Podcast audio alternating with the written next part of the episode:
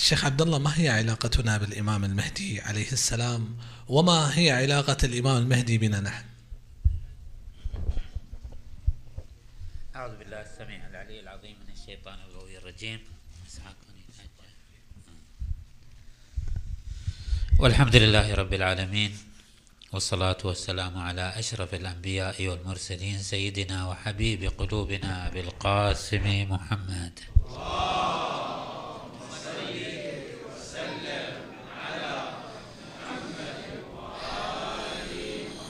وعلى أهل بيته الطيبين الطاهرين. اللهم صل على محمد وأهل بيته الطيبين الطاهرين. نقول أنه في تشخيص طبيعة علاقة الإمام عليه أفضل الصلاة والسلام بنا وعلاقتنا به. تحتاج إلى أن نفهم ما هو الإمام ما هي الإمامة ماذا يعني الإمام. لعله في الأعم الأغلب في المذاهب العامة يعتقدون أن الإمام هو مدبر للسياسة الدنيوية لإيصال الناس إلى مصالحهم وإنجاز وإنجاز ونعم وتنجيتهم من المفاسد.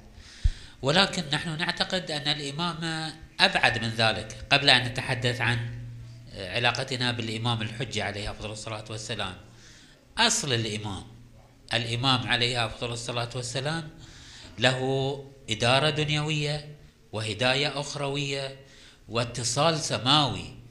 الإمام الرضا عليه أفضل الصلاة والسلام عندما وقعت أحداث في سني حياته بين المأمون والأمين وحصلت شوشرة في من هو الإمام وأراد أن يوضح أن الإمامة ليست مجرد قيادة سياسية. يقول عليه أفضل الصلاة والسلام الإمام الرضا هل تعرفون قدر الإمامة ومحلها من الأمة؟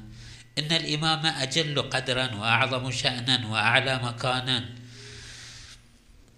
وأرفع جانبا وأبعد غورا من أن يبلغها الناس بعقولهم. إن الإمامة منزلة الأنبياء وأرث الأوصياء وخلافة الله عز وجل. إذا للإمامة آفاق عميقة. علاقتنا بالإمام عليه أفضل الصلاة والسلام الذي هو مجسد لهذه المقامات مجسد لهذه الآفاق. هي ليست مجرد علاقة محتاج بمن ينقذه ومن كما لعله كثير يحكى في القصص أنه ذاك التائه آه، استرشد بالإمام عليه السلام. نعم الإمام يرشد حتى التائهين حتى المحتاجين ولكن الإمام عليه أفضل الصلاة والسلام مرشد الأمة. إلى سبيل الخير والصلاح. ولذا علاقتنا بالإمام شبيهة بعلاقتنا بالله عز وجل والملائكة والأنبياء. نحن علاقتنا بالله وإن لم نرى الله في الأرض ولكن علاقة الحب علاقة الاتصال علاقة ال... وعلاقته بنا علاقة الإدارة والإرشاد والعطف واللطف والتوجيه. فإذا العلاقة مع الإمام عليه أفضل الصلاة والسلام أوثق من مجرد علاقة إنسان بإنسان عادي. علاقتنا بالإمام عليه أفضل الصلاة والسلام علاقة محبة علاقة شوق علاقة ود. هذه المحبة والشوق والود يتولد منها دعاء خالص بالرغبة في اللقاء بالرغبة في التواصل بالرغبة في آه، التوثيق العلاقة مع الإمام عليه أفضل الصلاة والسلام. ولذا هم علمونا عليهم أفضل الصلاة والسلام أهمية أن ندعو الله كل صباح مع بداية طلوع كل شمس. ندعو الله بأن يوثق علاقتنا بالإمام ويثبت هذه العلاقة.